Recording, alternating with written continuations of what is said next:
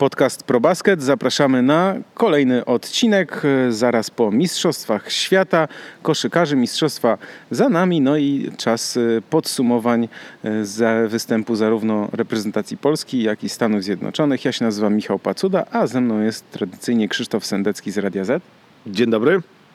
Będziemy rozmawiać dziś o Mistrzostwach Świata pod kątem naszej reprezentacji, na pewno porozmawiamy o reprezentacji Stanów Zjednoczonych, o tym, jak bardzo im się nie udały te mistrzostwa, a też yy, troszkę, ponieważ jest no, ten okres, kiedy czekamy, czekamy na rozpoczęcie sezonu zasadniczego NBA i czekamy tak naprawdę na rozpoczęcie chociażby obozów przygotowawczych, żeby jakieś informacje do nas pospływały, to porozmawiamy na pewno o power rankingu NBA konferencji wschodniej, który właśnie został opublikowany na probasket.pl. No i też e, no, takich kilku może krótszych, krótszych e, historyjkach, ciekawostkach i newsach. Także zapraszamy serdecznie. Reprezentacja Polski rozpoczęła Mistrzostwa Świata od y, trzech zwycięstw w grupie, wyjścia z pierwszego miejsca. W drugi, na drugim etapie też pierwsze zwycięstwo bardzo ważne, dające, zapewniające awans do E, czołowej ósemki do ćwierćfinału. Z tego bilansu 4-0 zrobiło się co prawda 4-4, no ale zajęliśmy historyczne, można powiedzieć chyba e, na pewno, ósme miejsce e, na świecie. No i ta reprezentacja prowadzona przez Mike'a Taylora zapisała się w historii. No i ciekawe teraz, po pierwsze chciałem Cię zapytać Krzysztof o podsumowanie tych mistrzostw z punktu widzenia właśnie naszej reprezentacji. Chyba wreszcie możemy zapomnieć trochę o tym siódmym miejscu na Eurobaskecie z 97 roku, do którego za każdym razem wracamy przy każdym e, kolejnym występie reprezentacji Polski. Do tej pory na Mistrzostwach Świata, teraz na, mistrzo- na Mistrzostwach Europy oczywiście do tej pory, teraz na Mistrzostwach Świata. E, no bo gramy, graliśmy na Mundialu po raz drugi od 52 lat, e, po raz drugi w historii, po bardzo długiej właśnie przerwie. To nie jest najlepszy wynik reprezentacji w historii, ale możemy powiedzieć, że spokojnie w ostatnim półwieczu to jest e, najlepszy wynik tej kadry, więc, e, więc jest się z czego cieszyć. E, niesamowite, fajne momenty były wtedy, gdy wygrywaliśmy z Chinami po dogrywce, gdy wygrywaliśmy z Rosją. Fajny mimo wszystko momentami ten mecz ze Stanami Zjednoczonymi o siódme miejsce. Parę ładnych akcji, chociaż tam za bardzo szans na zwycięstwo nie było. Naprawdę dużo niezapomnianych momentów i dla tych chłopaków, i dla kibiców. No i takich momentów, kiedy mm, ludzie, którzy nie za bardzo się koszykówką interesują, nagle się nią zainteresowali, gdzieś tam zobaczyli w telewizji e, i rzeczywiście o tej koszykówce trochę też w mediach było więcej i głośniej. E, pytanie, czy to się przełoży na coś więcej w przyszłości. E, mam niestety obawy, że będzie ciężko, chociaż ja powtarzam, e, siedmiu z dwunastu tych chłopaków można zobaczyć na parkietach Energa Basket Ligi. E, nie wierzę, za długo na tym świecie żyję, żebym uwierzył w to, że będziemy teraz mieli boom na koszykówkę i koszykówka będzie tak popularna w Polsce jak siatkówka, gdzie Wiemy, że nasi siatkarze grają Mistrzostwa Europy e, w Holandii, hala na 11 tysięcy ludzi, a tam 6 tysięcy siedzi e, w biało-czerwonych koszulkach. E, to nie, to na to trzeba popracować kilka ładnych lat. Siatkarze są dwukrotnymi mistrzami świata, koszykarze na razie na ósmej pozycji. To jest dobry punkt wyjścia do tego, żeby PZ Kosz, żeby Polska Liga Koszykówki zrobiły trochę więcej, żeby budować ten produkt. E, więc e, kadra swoje zrobiła i my się z tego cieszmy, ale jeszcze dużo, dużo do zrobienia. E, fajnie, naprawdę fajnie ci chłopcy tam się pokazali i to właściwie każdy, kto wchodził na parkiet, dawał coś dodatkowego. Świetna praca Majka Taylora, to akurat plus dla PZ Kosza i dla Grzegorza Bachańskiego chyba w sumie, bo Pamiętam, że sam go pytałem po porażce z Węgrami na wyjeździe w eliminacjach, czy jest opcja zwolnienia Majka Taylora, czy PZ się nad tym zastanawia, no to prezes Bachański odpowiedział, panie Krzyśku, ale jaka jest gwarancja, że będzie, przyjdzie nowy trener i on będzie lepszy? No, jest to jakiś argument, on się tutaj okazał akurat całkiem, całkiem dobry. Tak, znaczy to akurat lekcja wyciągnięta z, z pracy Alesza Pipana, tak? Bo pamiętamy, że trener Pipan przecież...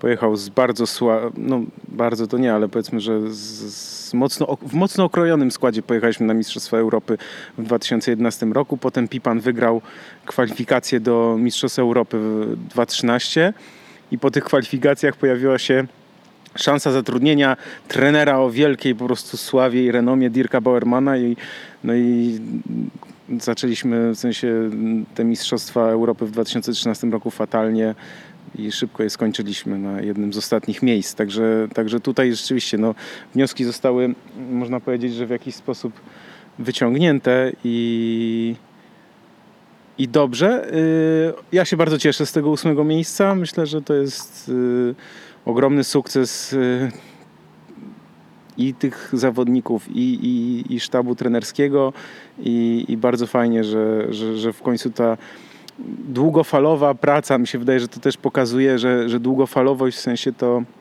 jeśli coś ma sens, jeśli coś się trzyma tak zwanej kupy i idzie to we właściwym kierunku, to, to ocena merytoryczna nie może być y, podyktowana tylko przez miejsce. Oczywiście, że miejsce jest ważne, ale moim zdaniem ta reprezentacja niewiele się różni od tej, która w, dwa lata temu na Eurobaskecie nie wyszła z grupy, tak? nie wyawansowana do szesnastki w, Europie, w Europie, tak? ale y, wtedy mieliśmy bardzo mocną grupę, zabrakło nam trochę szczęścia w ważnych meczach, szczególnie w ten mecz z Finlandią, tak? kontuzja Slotera i, I, no tak się potoczyło, jak się potoczyło. Tym razem mieliśmy trochę szczęścia.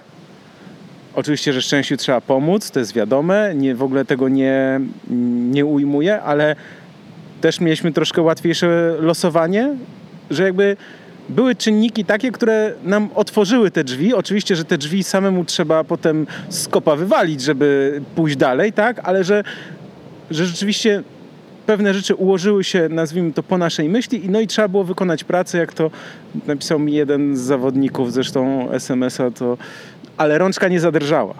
No właśnie, no i, i to jest super, tak? Znaczy, że nie zadrżała, świetnie, udało się, yy, bo rzeczywiście Rosjanie też osłabieni, tak? W sensie bez największych gwiazd i tak dalej, ale to też można było przegrać. Z Chinami niesamowita też właśnie ta końcówka, nieustępliwość, yy, wiara w to, że można to, to wygrać, odważne decyzje, pewna ręka nie, nie zadrżała, jak to się mówi, i, i rzeczywiście yy, przyniosły efekty. Mi chodzi tylko o to, żeby właśnie jak już rozmawiamy, nazwijmy to w gronie i koszykarskich słuchaczy i, i, i naszym yy, gdzieś tą koszykówkę śledzących blisko, to rzeczywiście warto zwrócić uwagę na to właśnie, że że ta reprezentacja niewiele się różni od tej sprzed dwóch lat, jeśli chodzi o skład, o sztab trenerski. Znaczy, nie jest tak, że nagle koszykówka w Polsce zrobiła tak wielki krok, że po prostu, nie wiem, z 20 miejsca w Europie awansowała na 8 miejsce na świecie. Nie. Ta koszykówka była na pewno na wyższym poziomie jeśli chodzi o, o to, jak, jak, jak ją oceniamy sprzed dwóch lat. Natomiast tutaj po prostu wiele czynników e, sprawiło, że, że takie miejsce zajęliśmy. No tak, bo umówmy się, my jesteśmy na takim poziomie, przynajmniej tą kadrę mamy na poziomie powiedzmy europejskiego średniaka. Mamy kilku niezłych zawodników, ale no teraz Mateusz Ponitka e, będzie grał w Eurolidze, ale jednak większość to nie jest poziom Euroligi, to nie jest poziom NBA na co dzień. I my musimy wyciągać maksa z tego, co się da, czyli przyjeżdżają Rosjanie osłabieni, możemy ich pokonać, wygrajmy, wygrali. E, mamy Chińczyków niezachwycających, wyciągamy ten mega mecz w dogrywce, e, ok.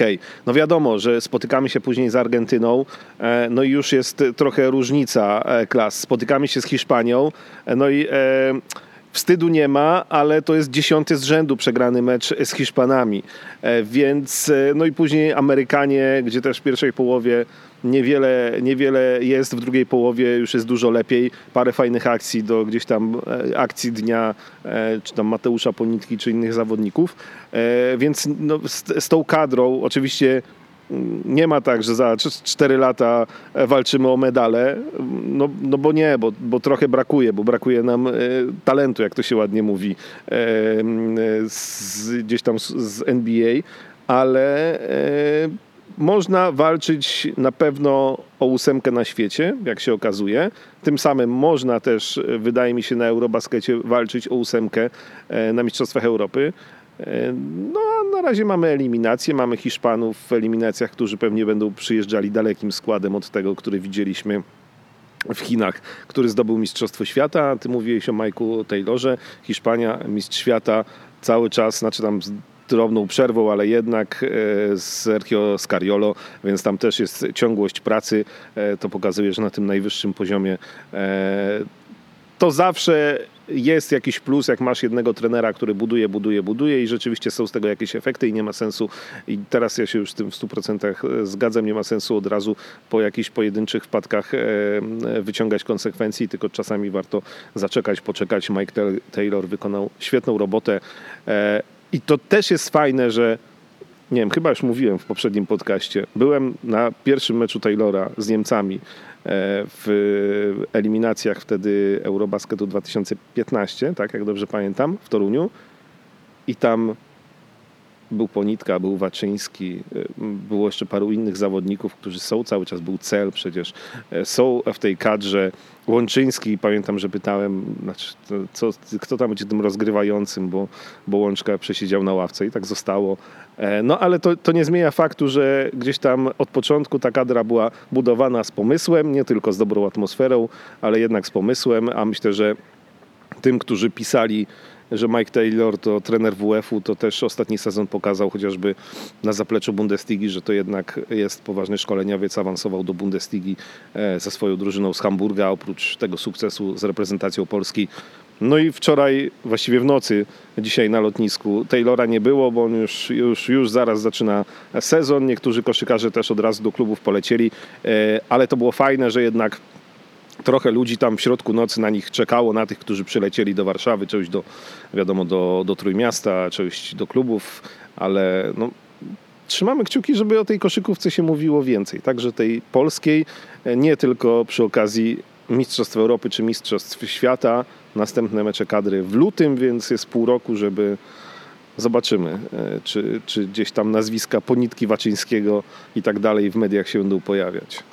Warto też dodać i przypomnieć, że przecież e, dzięki temu, e, że zajęliśmy ósme miejsce, to będziemy grać w turnieju kwalifikacyjnym do e, Igrzysk Olimpijskich. I no to już będzie bardzo trudne, trudna przeprawa, bo to będą cztery turnieje po sześć drużyn, bardzo mocnych drużyn, więc a z każdego turnieju awansuje tylko jeden zespół, więc tak naprawdę no tam będzie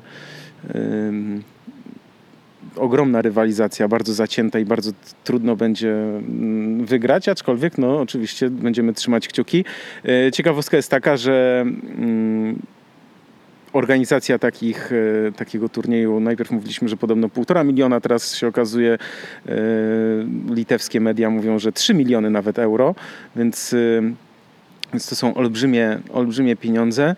Y, może być tak, że trafimy gdzieś zupełnie na inny kontynent, y, bo nie będzie podziału na regiony, że na przykład, nie wiem, drużyny z Europy grają między sobą, tylko ma być to tak podzielone, że po prostu każdy z każdym, nieważne gdzie, co, jak, nawet jeśli ktoś y, ma przylecieć właśnie z bardzo daleka do Europy, to tak może być, a kogoś z Europy na przykład zostanie, nie wiem, wysłany gdzieś do Ameryki Południowej na przykład, czy coś w tym stylu, więc Tutaj dużo będzie właśnie, mm, dużo jest niewiadomych, e, natomiast no, chęć organizowania e, takich takich, takiego turnieju kwalifikacyjnego do igrzysk w momencie, kiedy to jest tak, rok olimpijski e, i próba namawiania, nawet jeśli miałoby się tak zdarzyć, próba namawiania Ministerstwa Sportu, żeby wydało takie pieniądze na organizację turnieju, do Igrzysk Olimpijskich, to mi się wydaje, że jednak e, można je troszkę lepiej e, zainwestować, wydać i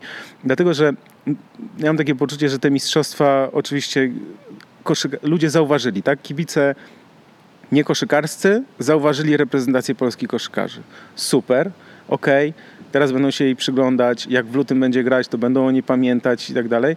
Natomiast to, co jest najważniejsze, to poza tam po układaniu kwestii strukturalnych, organizacyjnych i tak dalej, to jednak coś, co przynosi efekty, nazwijmy to, znaczy coś, co przyniesie efekty na długie lata, tak? To znaczy zamiast wydać 10 milionów złotych na trwający tydzień turniej, to jednak myślę, że mm, lepiej pojechać na taki turniej do innego kraju, a te 10 milionów złotych wydać na, na coś, co sprawi, że Ponitków i Waczyńskich będzie więcej, tak? Bo 10 milionów złotych to jest ogromna kwota. Można yy, sprawić, że po prostu tych dzieciaków grających w kosza będzie znacznie, znacznie więcej, bo to, bo to, to jest ten klucz, tak? To znaczy klucz do tego, żeby ta reprezentacja potem miała dobrych reprezentantów, to to jest to, żeby jak najwięcej dzieciaków grało w tego kosza i potem, żeby yy,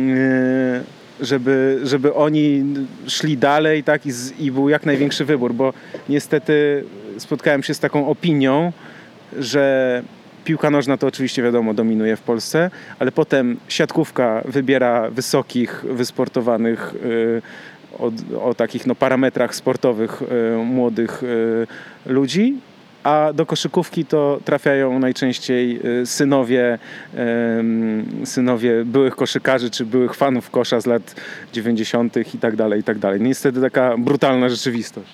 No niestety ja potwierdzę, że e, tak jest. E, niestety. E, może się to zmieni, mamy nadzieję, że się zmieni, chociaż Optymistą wielkim e, też niestety nie jestem. Żeby nie było tak pesymistycznie, e, to możemy też na przykład trafić turniej, bo Litwini, jak cytowałeś litewskie media, mają zamiar mm, się starać, to na przykład e, na turniej do Kowna i wtedy proszę bardzo jest blisko i za darmo i heja, chociaż oczywiście możemy trafić na przykład, nie wiem, do, też tak jak mówisz, do Brazylii, no bo lista drużyn chętnych do gry w igrzyskach jest długa.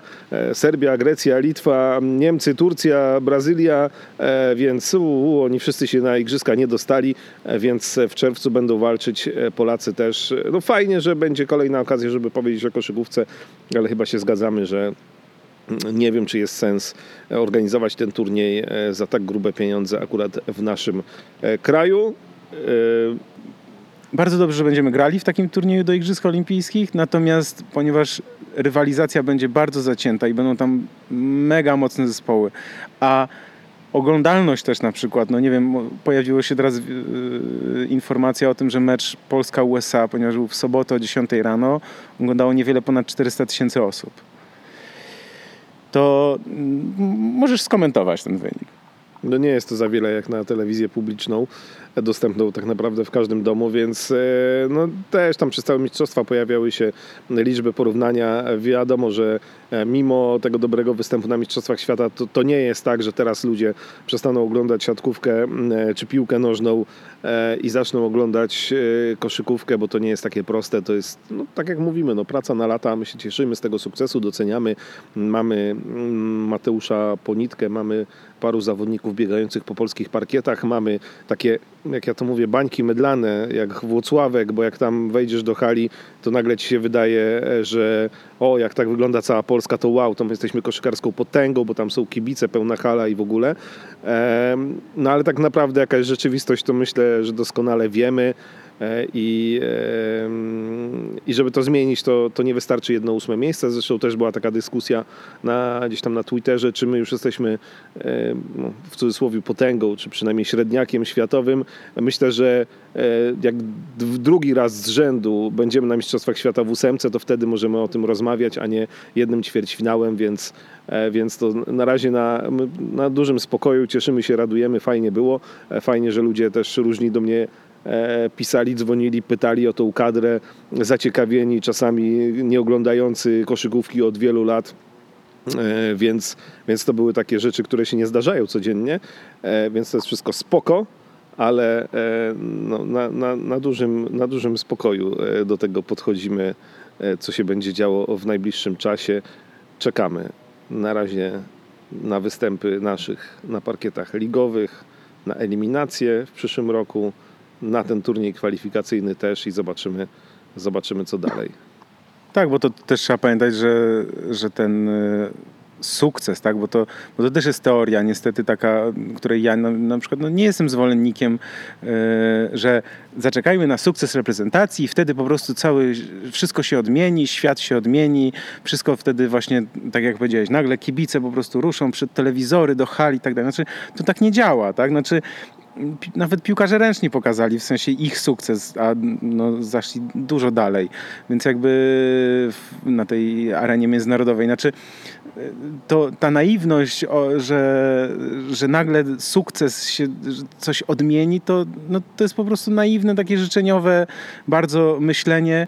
Najważniejsze jest przebicie się do świadomości i jakby coś, co trwa cały czas, tak? a nie takie jednorazowe tak zwane strzały. Tak? To znaczy ta popularność koszykówki nie urośnie nagle po takiej jednej imprezie sama z siebie, tak? to trzeba jeszcze wykorzystać, trzeba mieć jakiś pomysł, ale długofalowy, a nie taki właśnie w postaci jakiegoś strzału. Tak? Znaczy jeden mecz kwalifikacyjny w lutym, to też trudno. Jaki, jak będzie, jaki będzie odstęp czasowy, tak? W sensie yy, teraz nawet jeśli by się chciało coś zrobić z tą reprezentacją, już się wszyscy rozjechali nawet, nie wiem, nawet do premiera czy prezydenta nie, nie pójdziesz, w sensie bardzo trudno byłoby to zorganizować, może kilku by się udało, tak? W sensie, żeby, chodzi mi o to, że teraz ogrzać się nawet tym sukcesem, bo to jest, to jest sukces, tak? Znaczy z punktu naszego, z naszego punktu widzenia ósemka na świecie w sporcie numer dwa tak naprawdę na, na świecie, to jest ogromny sukces i w ogóle nikt tego nie, nie podważa,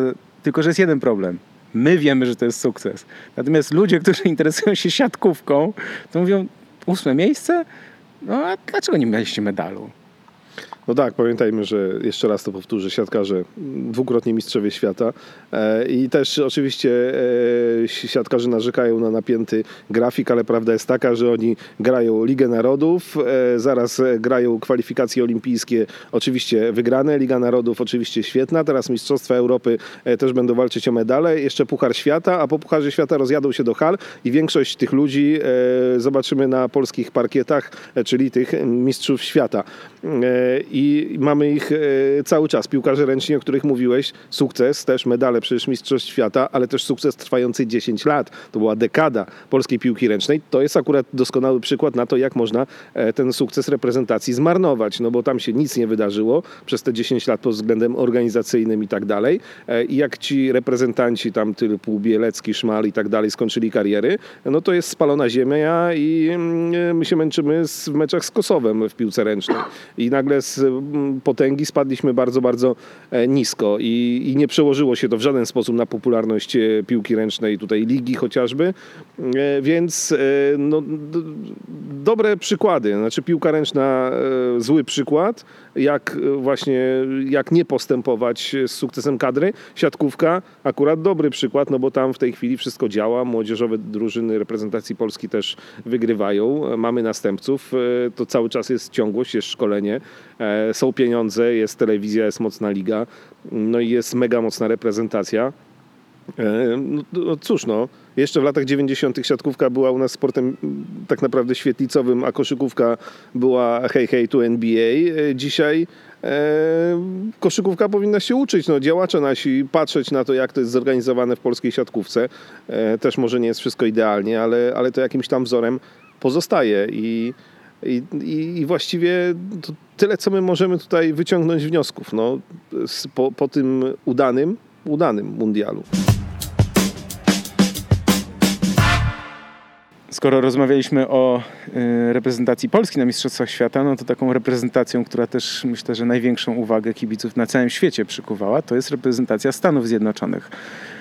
Siódme miejsce to jest sporo poniżej oczekiwań, bo obaj zresztą mówiliśmy, że e, mamy takie poczucie, mieliśmy takie poczucie przed mistrzostwami, że Stany Zjednoczone nie wygrają tego turnieju, że nie zdobędą złota, no ale ja no mimo wszystko jednak myślałem, że w tym półfinale zagrają, tak? A się okazało, że oni nie tylko półfinał, ćwierćfinał, przepraszam, przegrali, to jeszcze mecz o piąte, znaczy o to, żeby grać o piąte miejsce przegrali i, i skończyło się na tym, że grali o siódme miejsce z Polską, więc no jak ty oceniasz ten występ reprezentacji Stanów Zjednoczonych? Najgorszy występ w historii w ogóle reprezentacji Stanów Zjednoczonych, w historii koszykówki. Nigdy nie byli tak nisko e, na Mistrzostwach Świata ani na Igrzyskach Olimpijskich. E, tak, przewidywaliśmy, chociaż ja stawiałem, że Serbowie będą mistrzami e, świata. Tutaj ja mówiłem, że Grecja, więc jeszcze gorzej. No, więc, więc tak.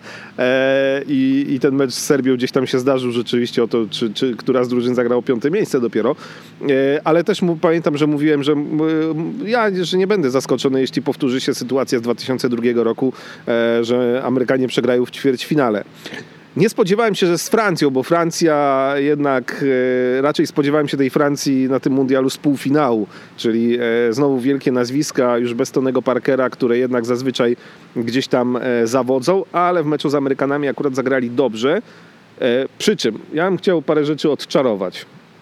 Znaczy, po pierwsze, oczywiście Amerykanie mają problem i pewnie jeszcze o tym problemie e, porozmawiamy, jakby też w perspektywie igrzysk przyszłorocznych, ale to nie jest tak, że to tam jakaś katastrofa narodowa się stała. Znaczy, no, w mediach y, zerkałem, pojawiały się oczywiście relacje z tych meczów i tak dalej, e, ale, ale to nie jest tak, że wchodzisz na ESPN i tam jest, wiesz, cała pierwsza strona o reprezentacji USA w koszykówce. Nie, bo się, wiesz, NFL, futbol amerykański się zaczął, jest baseball, jest dużo innych ważniejszych tematów niż e, jakieś tam mistrzostwa świata w, e, okej, sporcie, który oni też kochają, ale jednak raczej na poziomie NBA, a tam wysłali kadrę taką sobie.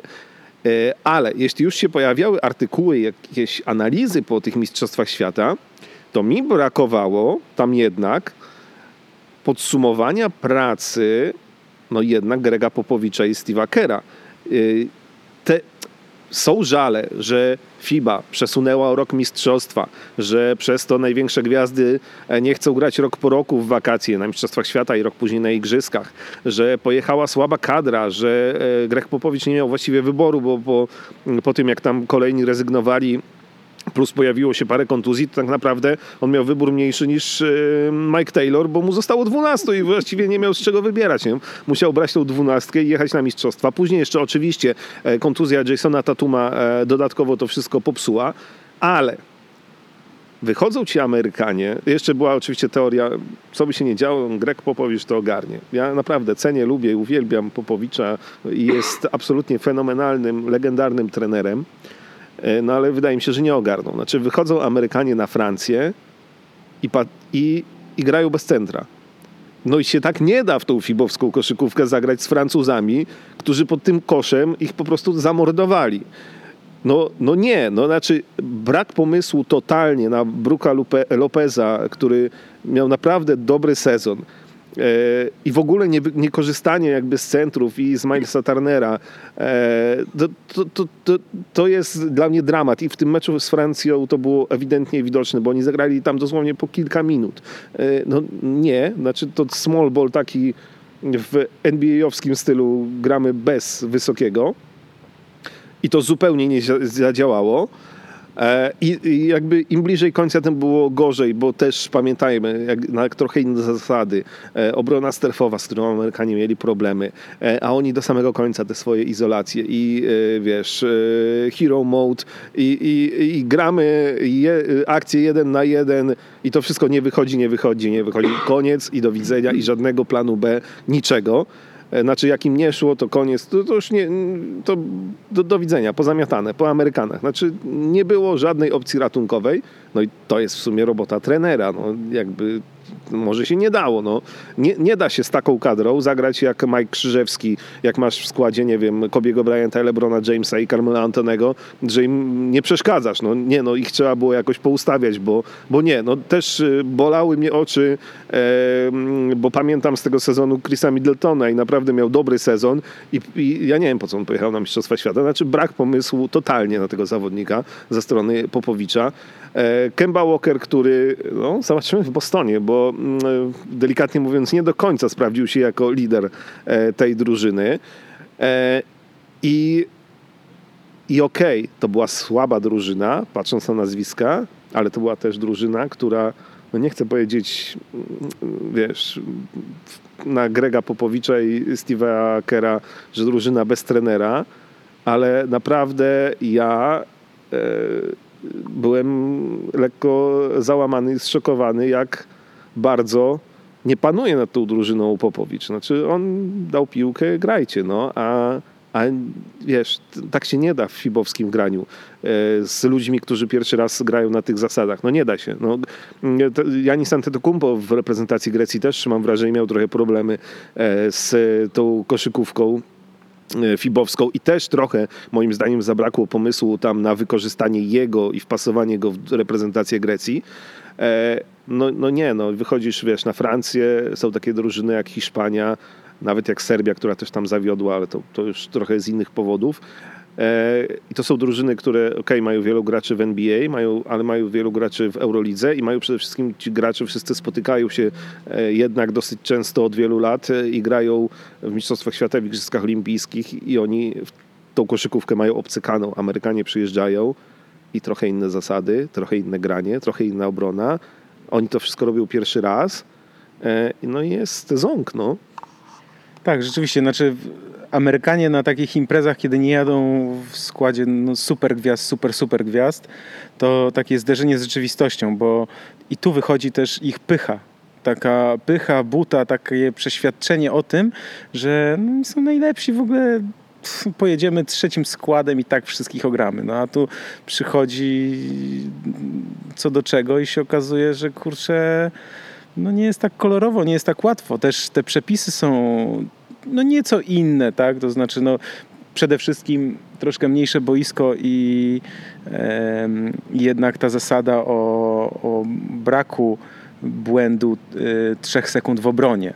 Znaczy, są takie nagrania, można takie filmiki zobaczyć, na przykład jak Janis jest, e, no cała piątka jest praktycznie, jak Janis zaczyna na, gdzieś tam na środku boiska e, grać, to po prostu czterech zawodników, którzy po, powinni być przy swoich gdzieś tam w jakimś tam troszkę może z pomocą, że coś, to są po 2-3 metry od swoich graczy.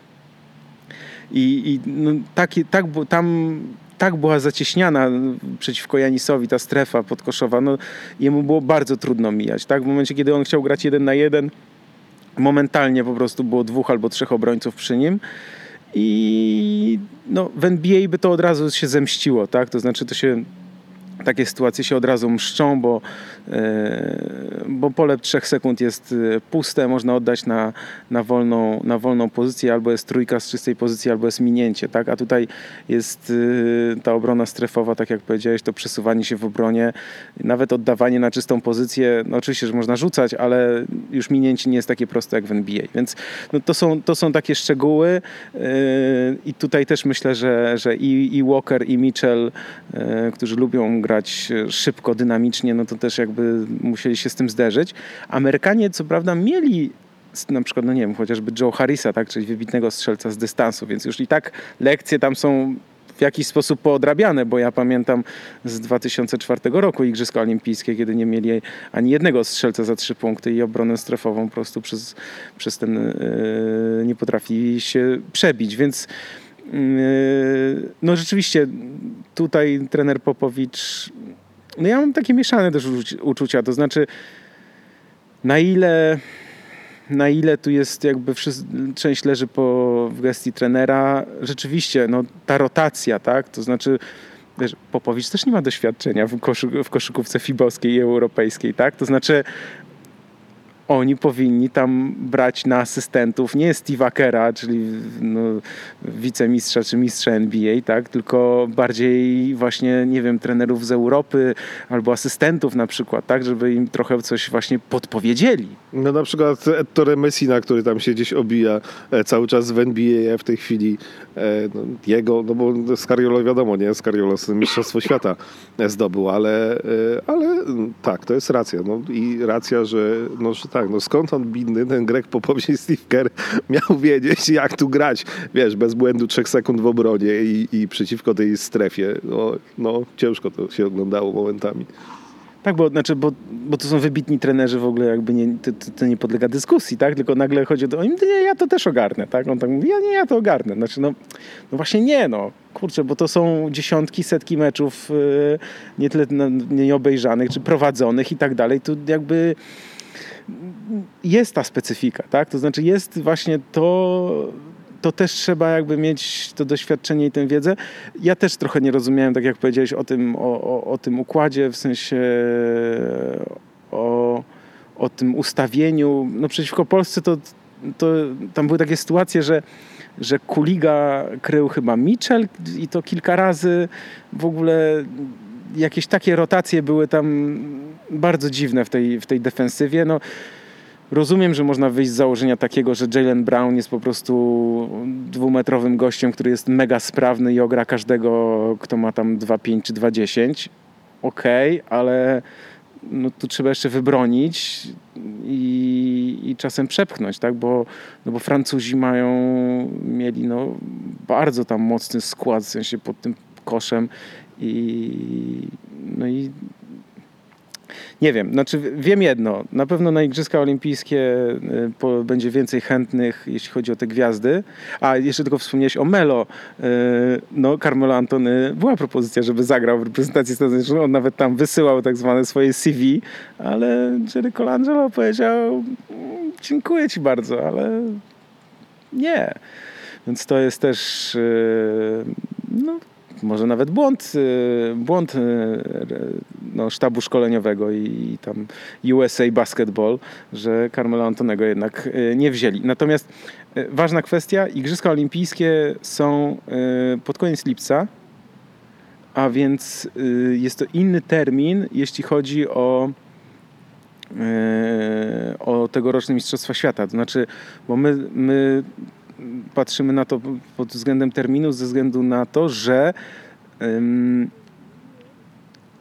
za chwilę, za tydzień dosłownie zaczynają się obozy przygotowawcze y, w NBA, tak? Znaczy za tydzień czy za dwa już zaczynają się przygotowania do, do, do sezonu, tak? Więc y, przygotowania z reprezentacją, potem dwa tygodnie imprezy i potem bez przerwy, y, nawet bez odpoczynku i, i sześć miesięcy po prostu sezonu, no to wiele osób e, nie zdecydowało się na taki, nie, nie zdecyduje się na taki ruch ze względu na zbyt duże obciążenia organizmu, bo może się okazać, że w styczniu, w lutym, w marcu po prostu przyjdzie taki dołek, e, że ten organizm po prostu się zbuntuje, tak? I, i dlatego, o, dlatego myślę, że też wielu zawodników odpuściło w tym roku e, ze względu na termin. Natomiast lipiec e, jest takim okresem, ci co nie zagrają w finale NBA, to będą mieli trochę czasu i żeby odpocząć, i żeby się przygotować, a potem nawet jak igrzyska będą intensywne, to potem znów można odpocząć.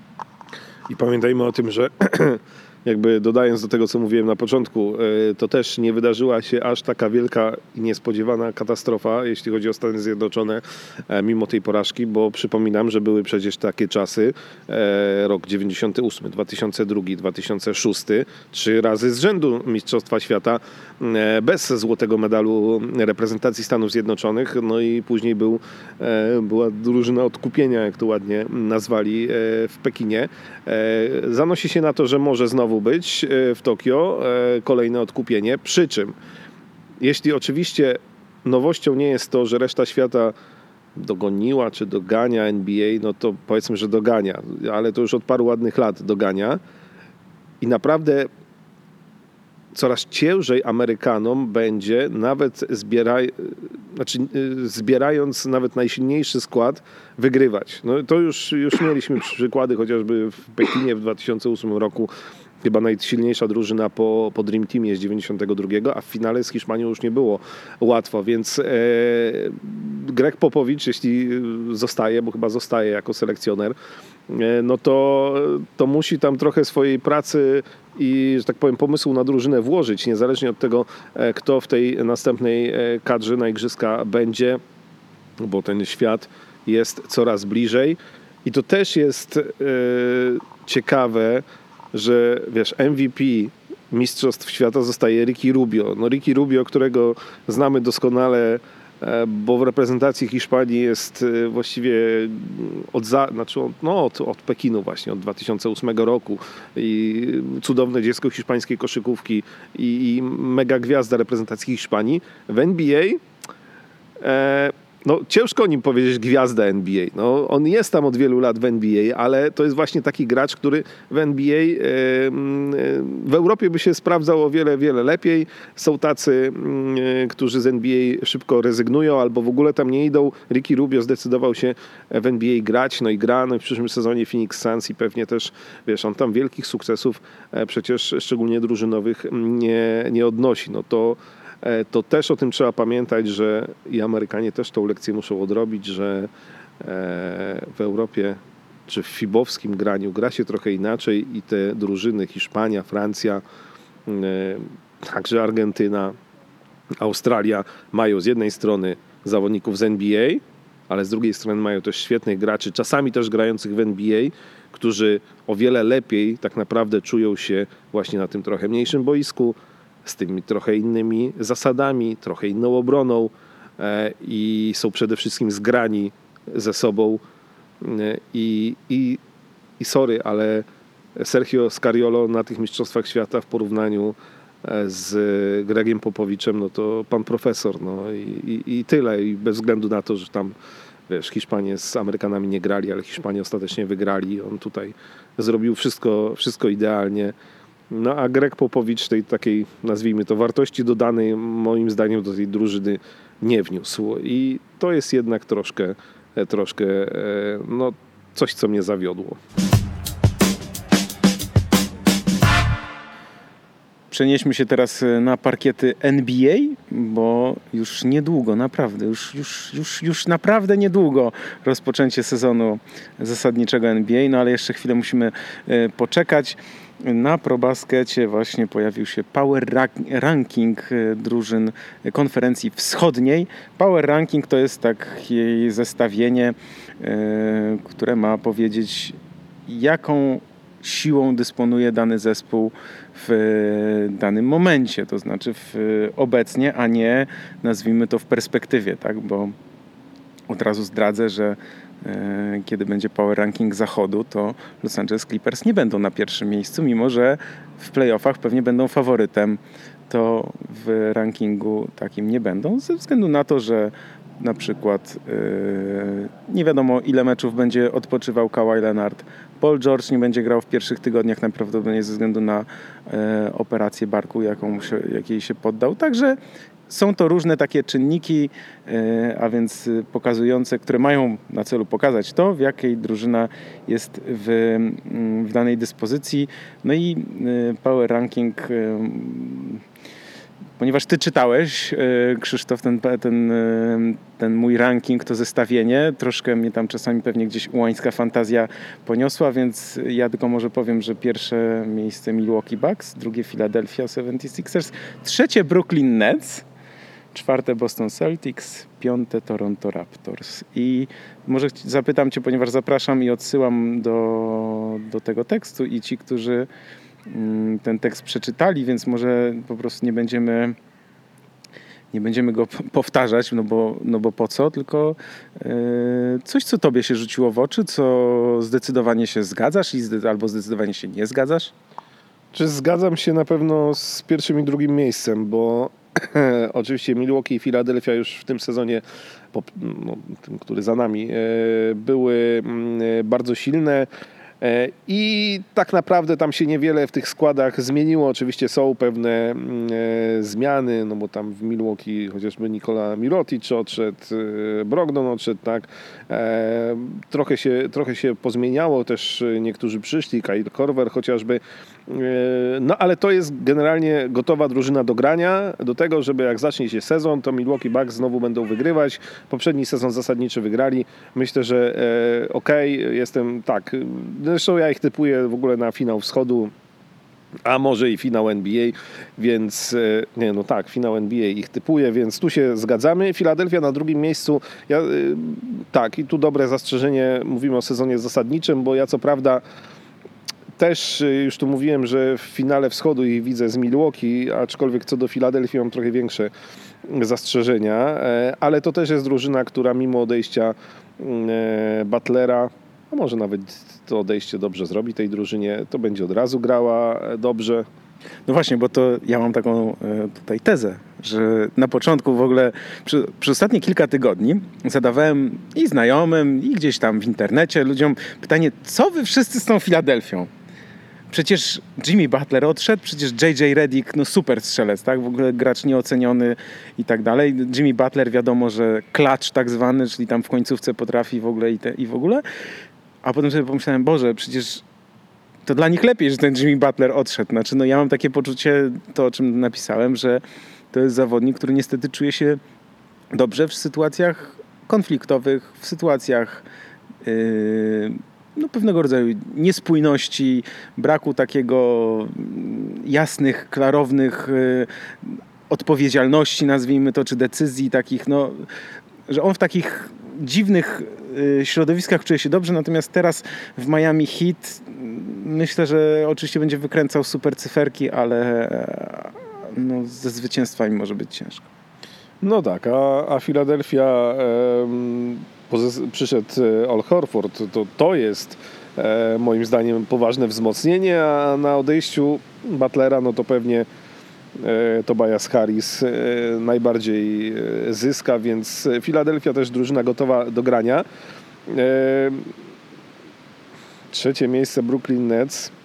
No nie, znaczy ja widzę mimo wszystko i też e, później ewentualnie e, do finału wschodu jednak bardziej Boston Celtics i ja wierzę, wiem, Mistrzostwa Świata nie wyszły, ale jednak wierzę w Kemba Walkera i wierzę w tą drużynę, w której też, no dobra, odszedł Kyrie Irving, nie, nie, nie, nie wypaliło to do końca. Przychodzi Walker i to myślę jest lepiej dla tej drużyny. Jakby trzon zespołu zostaje. Oni też powinni szybko zacząć grać dobrą koszykówkę e, i Boston Celtics e, moim zdaniem na miejsce, na miejsce trzecie, a, a, nie, a nie Brooklyn. Muszę przyznać, że mimo, że jestem autorem tego tekstu, to y, w bardzo dużej części się y, zgadzam z, twoim, y, z Twoją wizją. Troszkę na, może na wyrost nawet dałem Brooklyn Nets na trzecie miejsce, ale mam wrażenie takie, że Kyrie Irving, który jest po prostu kawał gracza, znaczy to jest mega zawodnik, który będzie w tym sezonie moim zdaniem miał yy, no, włącza tryb MVP po prostu. Yy, jest wściekły po tym wszystkim, co się wydarzyło w Bostonie. On się tam kompletnie nie potrafił dopasować, nie potrafił się zgrać, nie potrafił się porozumieć z tymi zawodnikami i mam wrażenie, że po prostu w Brooklyn Nets wszystko będzie miał podane na tacy i wszyscy będą się do niego dostosowywać, taktyka będzie pod niego i że on po prostu będzie robił rzeczy niesamowite, a Boston będzie potrzebował czasu na to, żeby, mm, żeby wejść na ten najwyższy poziom. Przed sezonem jeszcze zrobię jeszcze jeden power ranking, także daj mi, daj mi troszkę przemyśleć te, te wszystkie kwestie. Natomiast y, jeśli chodzi o, o Celtics, to kibice, kibice Bostonu przede wszystkim mo, mogą się obawiać odejścia Ala Horforda. Tak? No, gracza wysokiego nie mamy i tak dalej. Ale przychodzi Enes Kanter, to jest oczywiście z uśmiechem należy potraktować, ale jeśli ktoś oglądał chociaż jeden mecz reprezentacji Francji na Mistrzostwach Świata i dowiedział się, kto to jest Vincent i tutaj możesz mi pomóc, jeśli chodzi o wymowę nazwiska. Zdaje się Poiret.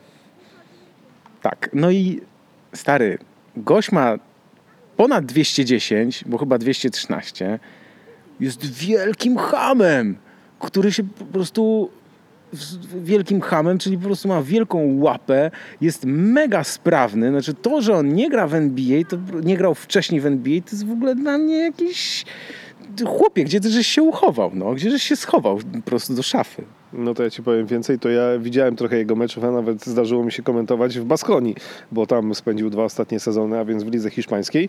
E, I ja się zgadzam, e, to jest zawodnik, który rzeczywiście może naprawdę może stać się ważną postacią w Boston Celtics, e, więc co do tego się e, zgadzamy. Bo ja tylko jeszcze jedną rzecz powiem. Znaczy, jeśli on w Europie, w, w europejskiej koszykówce, gdzie centrzy mają trudniej, tak? Znaczy, gdzie to pole, strefa podkoszowa jest zacieśniana i tak dalej. Znaczy, jemu będzie teraz łatwiej w NBA. To jest, to jest trudne do zrozumienia, bo to jest też takie, takie zderzenie z rzeczywistością, które Marcin Gorta też miał przez, przez lata. Tak? Znaczy w NBA jest troszeczkę łatwiej. Wiadomo, że siła fizyczna, y, natężenie, umiejętność tych zawodników, talent jest większy, ale gra dla centra w NBA często jest łatwiejsza, zwłaszcza jak się ma po prostu no, rozgrywającego, a tutaj będzie miał Kemba Walkera, tak? Więc to po, będzie miał więcej, nazwijmy to, przestrzeni do tego, do gry, nie wiem, czy jeden na jeden, czy po prostu do, do, do pick and rolli, że nie będzie tam tak ta, ta strefa e, podkoszowa tak zacieśniana i ja powiem tak, znaczy nie chcę mówić na wyrost, bo oczywiście może się zawodnik, nie wiem, spalić, nie przystosować, nie wiem, nie polubi hamburgerów, czy coś takiego, to oczywiście jest mnóstwo takich historii, ale jeśli chodzi o, o, o potencjał, możliwości koszykarskie, wow. No wow, no dobrze. No to ustaliliśmy, że Boston jednak na trzecim miejscu. E, słuchaj, no a po, poniżej czwartego to trochę na wschodzie loteria. No tu w, na ProBasket w tym power rankingu piąte jest Toronto, szósta Indiana, e, siódme Orlando, ósme Detroit. Powiem Ci, że ja, e, no dobra, tu możemy sobie wylosować, ale generalnie będę się upierał, że Detroit e, może być wyżej. I wiesz co? Ja tworząc ten ranking przysięgam, miałem, to jest ta sama, w sensie tutaj jest po prostu no, loteria. Znaczy to ja naprawdę, przepraszam, no tak. Miejsca 6, 7, 8, równie dobrze właśnie Piston z 8, to miałem olbrzymi problem, żeby ustalić kolejność. Nawet pytałem moich dwóch znajomych e, o to, jak oni by to widzieli, więc y, tak, masz niestety rację. No więc e, wracając do Detroit, bo chyba nie będziemy o wszystkich po kolei gadać, ale, ale dlaczego Detroit wyżej trochę? Bo znaczy, jeśli tam oczywiście nic się nie popsuje, znaczy jeśli Andre Drummond, e, nie wiem, nie obrazi się, nie wiem, nie, nie, nie oddadzą go i tak dalej, bo wiemy, że Blake Griffin ma tam ogromny kontrakt, Drummond nie ma, E, przychodzi e, Derrick Rose, którego jestem absolutnym od zawsze e, fanem i ja, wiesz, za każdym razem Derrick Rose zaczyna nową przygodę, to ja wierzę, że jeszcze trochę tego Derricka Rose'a z 2011 roku zobaczę, więc, więc jeśli w Detroit się uda to wszystko poskładać w miarę fajnie poza parkietem, to na parkiecie też powinno być nieźle. E, Markiew Morris też tam przychodzi z Oklahomy, więc, więc, więc wyżej. E, zagadką pozostaje Miami Heat, który ustawiłeś na dziewiątym miejscu, czyli poza playoffami. E, no i tutaj wiadomo, no Jimmy Butler, już o nim wspominałeś, to albo to wypali, albo nie wypali. Jak wypali, to będą playoffy, jak nie wypali, to może być moim zdaniem dużo niżej niż dziewiąte miejsce. Ja wyciągnąłem średnią po prostu. No, mo, może i tak. E, I też dobry jest zapis o tym, że Butlera to warto gdzieś tam w fantazy lidze brać, bo on pewnie będzie dużo rzucał, ale e, no umówmy się, e, mizernie. Widzę, że widzę głęboko wiarę w New York Knicks na 11 miejscu. Słuchaj, no, daj, no to coś musi się tam zdarzyć. Widziałeś Juliusa Randle? Widziałeś, widziałeś jego sześciopak na brzuchu? Mm, fajnie, fajnie. Czekaj, patrzę na ten skład. Taż Gibson, Marcus Morris, tak, Randall. No, yy, no dobrze, no nie wiem, no, jedyna, no jedenasty. Ten, ten wschód to jest jednak trochę loteria, naprawdę. Yy. Znaczy, ten, ten wschód, ta, ta, nazwijmy to, dobra, myślę, że pierwszą czwórkę to Toronto też będzie pukać gdzieś tam do tej czołówki, mi się wydaje, bo oni jednak bez, bez Lenarda grali 22 e, spotkania i 17 wygrali, więc ja myślę, że to Toronto nie należy ich przekreślać w sensie z tej, nazwijmy to, pierwszej piątki na wschodzie. Natomiast tak, mam takie wrażenie, że właśnie tak, Indiana, Orlando, Detroit, może Miami, to jest właśnie tak gdzieś tam będą się bić o to szóste, siódme, ósme miejsce. Natomiast później od tego, nazwijmy to dziesiątego, to tak naprawdę to już jest jakby, już można sobie zadać pytanie, kto jest gorszy. To już nawet nie chodzi o to, kto jest lepszy, tylko kto, kto jest gorszy. W sensie Atlanta z bardzo młodym składem, Nowy Jork, który się od totalnego dna, po prostu od y, ostatniego miejsca w konferencji, przecież przypomnijmy, bo oni mieli 17 zwycięstw zaledwie w poprzednim sezonie, ostatnie miejsce w konferencji. No, Chicago Bulls też są strasznie, byli do tej pory strasznie słabi. Waszyngton bez Johna Walla, cały sezon najprawdopodobniej bez Johna Walla i jeszcze oddają Satorańskiego. No, to jest kryminał. Znaczy, to, co się dzieje w Waszyngtonie, przy całej mojej sympatii dla tej drużyny, po prostu no to, to, to nie, nie jesteś w stanie tego zrozumieć. E, tak, znaczy ja wierzę myślę, że trochę bardziej w Chicago Bulls jednak i ich bym tam trochę pchnął do przodu e, właśnie z Satorańskim między innymi. E, zgadzamy się co do ostatniej trójki, nie wiem czy w takiej kolejności, ale tak, e, Wizards, dramat. Boże, Jezu, jak szkoda tego Bradley'a Billa będzie naprawdę, bo on się tam będzie tak męczył w tej drużynie do grania z nikim, Cleveland Cavaliers oczywiście też, hej, i to jest, bo też tutaj właśnie dzisiaj czytałem i tak sobie pomyślałem, kurde, jakie to jest smutne. Kevin Love, jeszcze przecież nie tak dawno e, All-Star, nie? Uczestnik meczu gwiazd i teraz jest problemem jego gigantyczny kontrakt 4 lata, 120 milionów dolarów i co z nim zrobić i z kontraktem gdzie go oddać i w ogóle e, jak to się czasami w przypadku niektórych zawodników zmienia niesamowicie.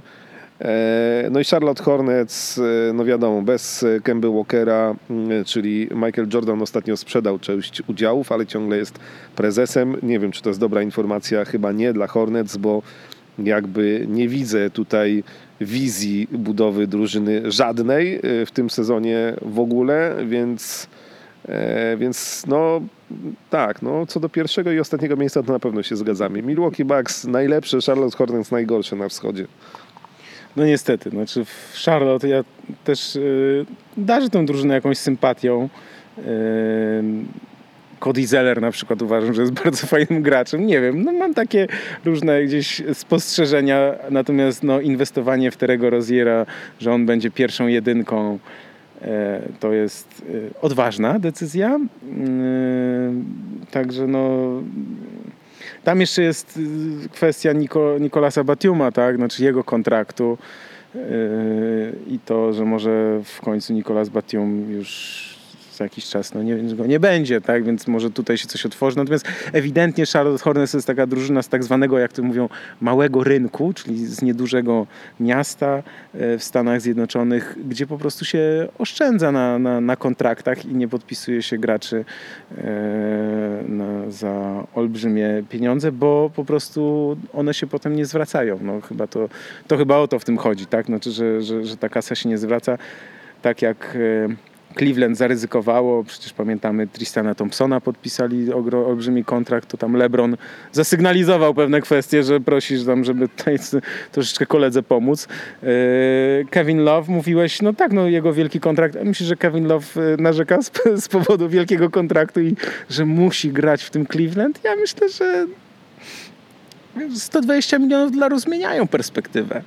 No, to nie jest problem Kevina Lawa, tylko problem Cleveland i tej drużyny, bo, bo myślę, że on tam wiesz, nie sprzeciwia się temu, ile dostaje na konto, ale, ale to jednak e, trochę smutne, że e, taka różnica w tak, tak naprawdę nie, niedługim czasie nastąpiła i tak nie chcę powiedzieć, się stoczył, bo to złe słowo, ale teraz mi takiego słowa brakuje dobrego, żeby to określić. No czasami tak jest, że gdzieś tam z totalnego topu, e, z zawodnika, który jest jedną z największych gwiazd, e, za chwilę jesteś gościem, który twój klub chciałby ci najchętniej oddać, bo, bo wie, że nie jesteś wart tych pieniędzy, które ci są płacone. No i to jest w sumie ta gorsza strona bycia koszykarzem.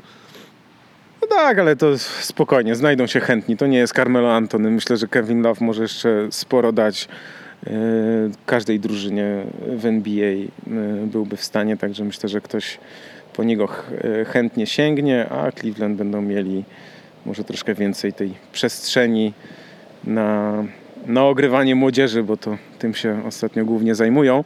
Y, z ciekawostek jeszcze, bo mówiliśmy o Detroit Pistons, powiedziałeś o Detroit Pistons, że oni mają tutaj szansę. Dramont y, za chwilę może być y, wolnym agentem i może rozegrać sezon życia.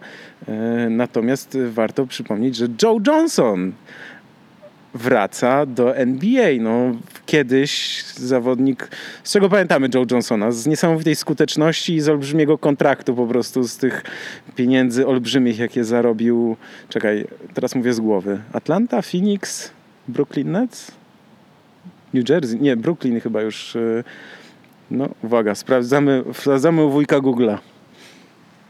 Znaczy ja powiem y, przed sprawdzeniem, że Joe Johnsona akurat ja najbardziej pamiętam z y, Atlanty, e, ale tej takiej Atlanty zawsze dobrej w sezonie zasadniczym, a niekoniecznie w playoffach. E, Joe Johnson. E, no tak, po Atlancie był Brooklyn, Miami, Utah i Houston jeszcze na chwilę w 2018 roku, a później już była liga tak zwanych trójek, gdzie zdominował rozgrywki totalnie Joe Johnson, pokazując, że jeszcze jest w formie trochę lepszej niż emeryturka. Będzie musiał Joe Johnson jednak powalczyć trochę o to miejsce w składzie. To jest częściowo gwarantowany kontrakt. E, I jestem ciekaw, no bo to kolejny dodatek. Jak w Detroit naprawdę uda się to poskładać w drużynę, te wszystkie nazwiska, przy każdym jest właściwie jakiś znak zapytania, e, to z tego może być wyższe miejsce niż ósme po sezonie zasadniczym. Tak mi się wydaje. Joe Johnson, 81 rocznik. Chciałem zasygnalizować, że jeszcze mielibyśmy szansę.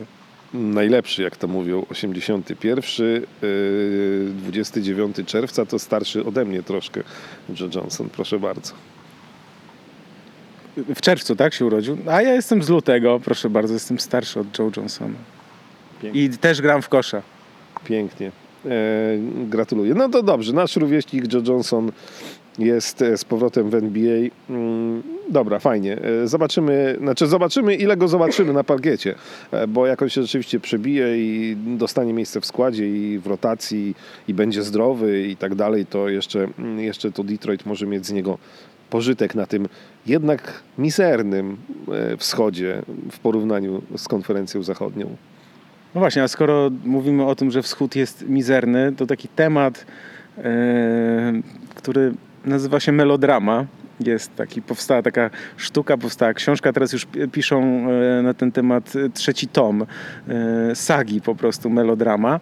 E, no ale Carmelo Antony nadal nie gra w NBA i dla mnie to mimo wszystko jest, jest spore zaskoczenie, ostatnio pamiętam, że rozmawialiśmy na ten temat i, i, trochę też tłumaczyliśmy to na zasadzie takiej, że ktoś może nie chcieć po prostu budować wokół niego drużyny i ma obawy, że Carmelo Antony nie będzie w stanie się zachować tak jak Vince Carter, tak? Że Vince Carter przez 42 lata i wciąż, ale on bardzo chętnie Yy, mógłby być ojcem kilku tych zawodników. Trey Young ma 20 lat, no.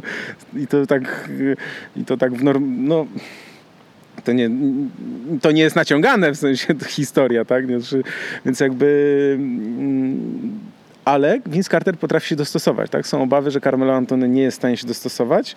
Kyle Kuzma ostatnio powiedział, że połowa zawodników NBA jest gorsza od Carmelo Antonego, więc to jest yy, dość ciekawe. Nie chcę o tym jakby wałkować tego tematu wciąż, ale zastanówmy się, czy Carmelo Antony nie mógłby naprawdę dołączyć do kilku tych drużyn ze wschodu? No pewnie, żebym mógł. No, znaczy, jeśli może Joe Johnson, to myślę, że i może Carmelo Antony, no, Antony już pomijając, e, bo nie wiem w jakiej jest formie, bo jakby Joe Johnson tam gdzieś cały czas w tych e, w tym całym Big Tree e, się jakoś tam ogrywał z emerytami.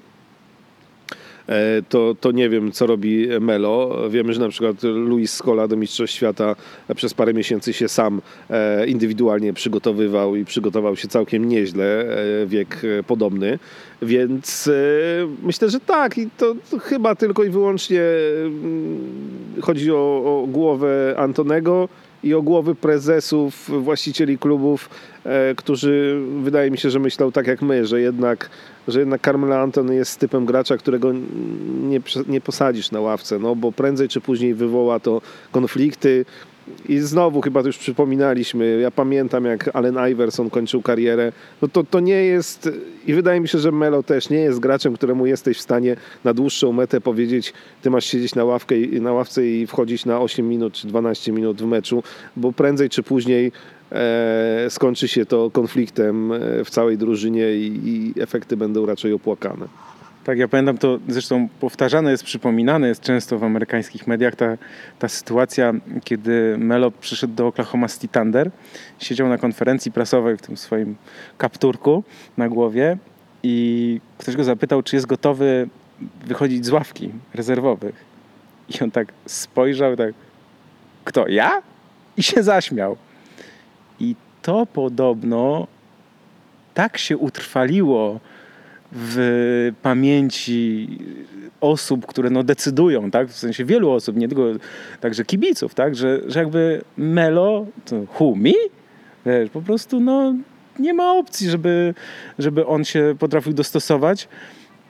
No to jest ciekawe, znaczy on twierdzi, oczywiście udziela kolejnych wywiadów, już takie to są takie wywiady trochę na zasadzie takiej proszę, proszę zatrudnijcie mnie, tak, bo, bo, bo ja chcę jeszcze grać w NBA, chcę odbyć tour po prostu po klubach jak Dwayne Wade yy, i sobie po prostu poprzybijać piątki.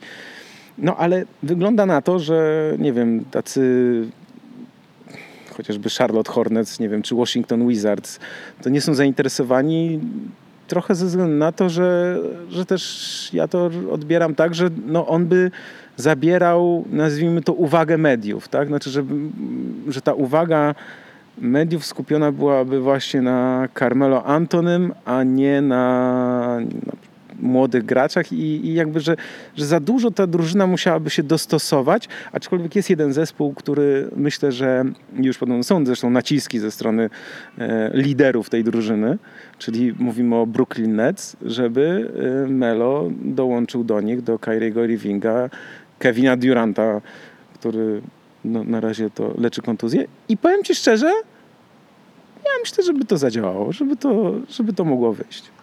No, na pewno na ten sezon, kiedy jeszcze Kevin Durant jakby będzie się leczył.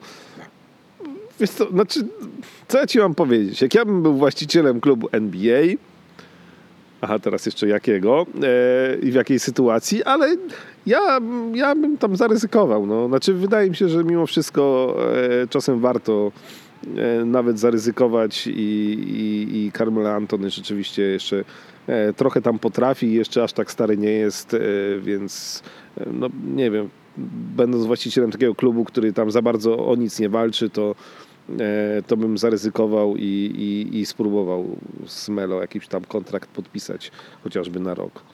Tak, znaczy myślę, że tutaj wiadomo, spotkanie z takim człowiekiem i sprawdzenie, bo ja myślę, że on takiego kopa w tyłek dostał przez ten rok, tam w głowie musiało się naprawdę dużo zadziać, tak? To znaczy to trochę tak jak u Dwighta Howarda. Znaczy, my sprawdzimy oczywiście, jak ten Dwight Howard będzie funkcjonował za miesiąc i za dwa, ale wygląda trochę tak, że rzeczywistość po prostu no, podcięła troszkę skrzydła, sprowadziła na ziemię i I że teraz tak naprawdę Melo, gdyby zaczął grać, to, to naprawdę skupiałby się na koszykówce i na, i na, na, i na tym, żeby jak najlepiej grać, a nie, a nie na lansowaniu siebie i nie wiem, no, uważaniu, jak to jest świetny, tylko naprawdę chciałby za wszelką cenę pokazać, że jest dobry.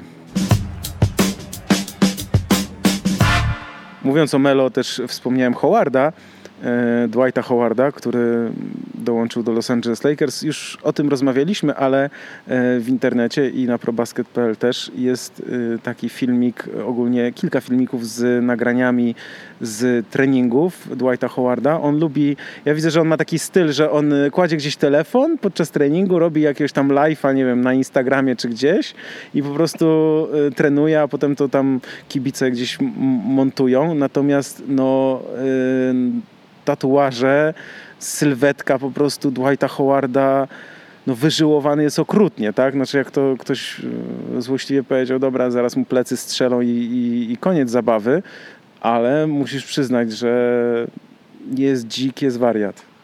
No jest, wygląda mm, czekaj, myślę nad przymiotnikiem, ale niech będzie, e, że niesamowicie. E, oczywiście wielki pytajnik, e, jak to będzie wyglądało na parkiecie w, dru w drużynie i tak dalej, ale myślę, że Dwight Howard, jeśli, no jeśli odrobił lekcję w swojej główce i rzeczywiście trochę z, z pokorą podejdzie do tego, co go czeka w Los Angeles Lakers, to jest szansa, że, e, że to się może udać. Oczywiście to sprawdzimy, bo już trochę o tym w poprzednim podcaście rozmawialiśmy, trochę gdybaliśmy i to na razie cały czas jest gdybanie, w jakiej by on formie świetnej fizycznej nie był, e, to, to się musi potwierdzić na parkiecie, więc czekamy. I cóż, powtórzę, czekamy. Ja myślę, mam nadzieję, że, że jeszcze trochę Supermana zobaczymy, on się tam jakoś wkomponuje to będzie fajnie zobaczyć pod koszem jednak jego, Antonego Davisa. E, czy w pierwszej piątce? Może i w pierwszej piątce będzie wychodził Lakers. E, czekamy, czekamy. No dobrze, a na koniec jeszcze kilka takich krótkich e, ciekawostek, bo koniec e, z Ninja Style. E, jak ty się do tego ustosunkujesz? Bo ja, tu, ja, ja bym cię widział w takiej opasce na co dzień w pracy. Chyba słabo. No co no, NBA od czasu do czasu tam swój dress code aktualizuje i tym razem padło na te opaski w stylu ninja, czyli wiązane z tyłu. Oficjalnie względy bezpieczeństwa, że ktoś się może e, o to zahaczyć, uwiązać, krzywdę sobie zrobić gdzieś tam e, w jakimś zwarciu podkoszowym, e, czyli mniej więcej to samo, co, co dotyczy tam jakichś łańcuszków i biżuterii. E, Takie jest tłumaczenie. E, Wiesz co, znaczy mam wrażenie taka moda, która i tak by niebawem przeminęła, no takie się pojawiają i znikają, ale, ale dobra, myślę, że nikt nie będzie bardzo cierpiał po tym, że, że nie wiem, tam Jimmy Butler mm, nie wiem, gdzie sobie mógł uwiązać na głowie opaski ninja, to szybko o tym zapomnimy, a skoro o tym rozmawiamy, to już naprawdę musi być sezon ogórkowy w NBA, bo tam się totalnie nic nie dzieje, że newsem jest to, że NBA zakazało opasek w stylu ninja. No, zakazało, więc tak. No tak, sezon ogórkowy, ale też warto mm, podglądać i podsłuchiwać, co y, niektórzy mówią w tym okresie, bo y, Lonzo Ball, którego ja nie jestem fanem, to chyba dało się odczuć w ostatnim czasie, w sensie w, nawet w poprzednim roku przy okazji naszych podcastów. Szczególnie nie jestem fanem oczywiście jego ojca, którego uważam za klauna, no niestety przykro mi, ale Lonzo Ball przyznał, że te buty, które tata, tatuś mu zrobił y, i tam marka Big Baller Brand, tak, y, która była dla Lonzo Bola, przecież miała go promować i tak dalej. Znaczy buty były tak beznadziejne, że on co kwartę musiał je zmieniać, a w ogóle to yy, w pewnym momencie przestał w nich grać i jakieś wymyślili sobie taką koncepcję, że on, że on teraz będzie w każdym innym bucie występował, żeby to tak trochę poukrywać, że on taki jest wszechstronny i a tu Nike, a tu Adidasy, a tu takie, a tu śmakie i tak dalej. Natomiast buty były totalnie nieprzygotowane do, do gry na tym poziomie, ale to, co jest niesamowite, to Lonzo Ball w styczniu doznał kontuzji, yy, skręcił staw skokowy i nie wrócił już do końca sezonu zasadniczego. Zgadnij, jakie buty miał na nogach. Nie no, te? Te swoje? No Jezu, tego nie wiedziałem. E, nie no, to, to jest e, w całym planie e, ojca e, klanu Bolów e, totalnie nieprofesjonalne i tak to skomentujmy. Nie, to jakby to się nie, to, to się nie powinno na takim poziomie e, zdarzać. Oczywiście pamiętamy, że Zion Williamson e, rozwalił i, i Nike'a i ten, no ale, no ale nie, no to jest mega słabe, ale czego my się może, mogliśmy spodziewać po e, rodzinie Bolów. Ja też nie jestem fanem za bardzo Lonzo, a ojca w ogóle, więc, e, więc tak, no może przynajmniej podpiszę jakiś sensowny kontrakt na jakieś normalne buty teraz. Tak, bo to jest tylko, że różnica między Zionem a Lonzo Bolem jest taka, że Zion po prostu ze swoją siłą rozwalił but Nike'a, ale nic tam bardzo poważnego się nie stało, a Alonso grając y, w tych swoich butach no tak się skręcił, że, że po prostu już nie wrócił w ogóle na, na parkiet, tak? Znaczy, bo to było 19 stycznia z Houston Rockets i to skręcenie kostki, teraz zwróć uwagę na jedną rzecz. Kiedyś, 10 czy 20 lat temu, jak ktoś kręcił kostkę, to się jeszcze w gips sadzało, 6 tygodni gipsu, yy, potem jeszcze 2 miesiące powrotu i tak dalej. Okej. Natomiast dzisiaj, jak ktoś kręci kostkę, to tam 2-3 tygodnie, czasem miesiąc. Jak już jest trzeci raz skręcona, to już w ogóle tam chwila, moment i, i, i zawodnik wraca, więc w ogóle nie, nie, nie ma to, nie jest to taki straszny problem. Natomiast on 19 stycznia w meczu z Houston Rockets skręcił kostkę i opuścił resztę sezonu, czyli dokładnie 35 spotkań. A to był ten moment, kiedy nie było Lebrona, kiedy Lakers no jeszcze chwilę w grudniu mieli czwarte miejsce na zachodzie, a potem spadli na dziesiąte miejsce, przypominam. Więc tu jest też taka nauczka w ogóle też yy, no, dla zawodników NBA, też dla, no, dla menadżerów też chyba, bo y, muszą sprawdzać, w czym pozwalają zawodnikom grać, tak? Bo to były buty po prostu, rozumiem, że totalnie nieprzygotowane, czyli na zasadzie, nie wiem, gdzieś z chińskiej fabryki jakiś projekt ktoś wysłał, coś narysował, po czym ktoś to wyprodukował i za, wiesz, za 5 dolarów, a teraz sprzedajmy to za 500, bo to jest tam nasze i tak dalej, wiesz, to my też byśmy mogli sobie tak zrobić, tak? Tylko jeszcze trzeba wziąć odpowiedzialność właśnie za to, co się może, co się może stać yy, zawodnikowi, tak? No i, i tak naprawdę on swoją decyzją o tym, że występował w tych butach, osłabił, a być może nawet yy, osłabił drużynę to na pewno, ale być może też no, no być może gdyby grał, to na przykład by awansowali do, do playoffów, prawda? Więc to jest, to jest taka, chodzi mi o to, o to, żeby zwrócić uwagę na ten no, łańcuch przyczynowo-skutkowy, nazwijmy to. No to może ja to tylko spuentuję tak, że to może już le- y, dobrze, że już Lonzo Bola nie ma w Los Angeles Lakers i tak to e, zostawmy. Nie, no ta rodzina jest... Nie, ojciec przede wszystkim. To jest dramat. Jak te buty. Dramat straszny. Na koniec troszkę ponarzekaliśmy i troszkę e, było dramatów, ale myślę, że e, mimo wszystko pozytywnie patrzymy e, w przyszłość, zarówno tę NBA, jak i też reprezentacji Polski, która przecież no, wysokie ósme miejsce na Mistrzostwach Świata, teraz tylko walczyć dalej, wywalczyć awans do kolejnych Mistrzostw Europy, a w czerwcu turniej kwalifikacyjny do Igrzysk Olimpijskich, za który E, trzeba trzymać e, kciuki za naszą e, drużynę. Dziękujemy za to, że wysłuchaliście tego podcastu. Myślę, że następny za około dwa tygodnie jeszcze, żebyśmy, myślę, że na początku października lub pod koniec września jeszcze, żebyśmy pogadali o tym, co się dzieje. Power ranking zachodu musimy zrobić. Znaczy ja muszę go zrobić i opublikować, a potem musimy go przegadać, więc myślę, że pod koniec września to jest dobry termin, żeby się spotkać, a potem jeszcze przed startem sezonu tuż. O, to jest słuszna koncepcja. No, najlepsze koncepcje rodzą się e, we wspólnych, że tak powiem, dyskusjach, a raczej tutaj w tym przypadku monologach. Dobra, kończę. Ja się nazywam Michał Pacuda i bardzo dziękuję. Ze mną był Krzysztof Sendecki z Radia Z. Dziękuję bardzo. Mówimy Wam, dziękujemy, do usłyszenia, do zobaczenia. Zapraszamy oczywiście codziennie na ProBasket, a także na Facebooku do grupy dyskusyjnej zamkniętej, ale jak się tam odpowie na dwa magiczne pytania, to oczywiście akceptuję i zapraszam. Do usłyszenia, do zobaczenia.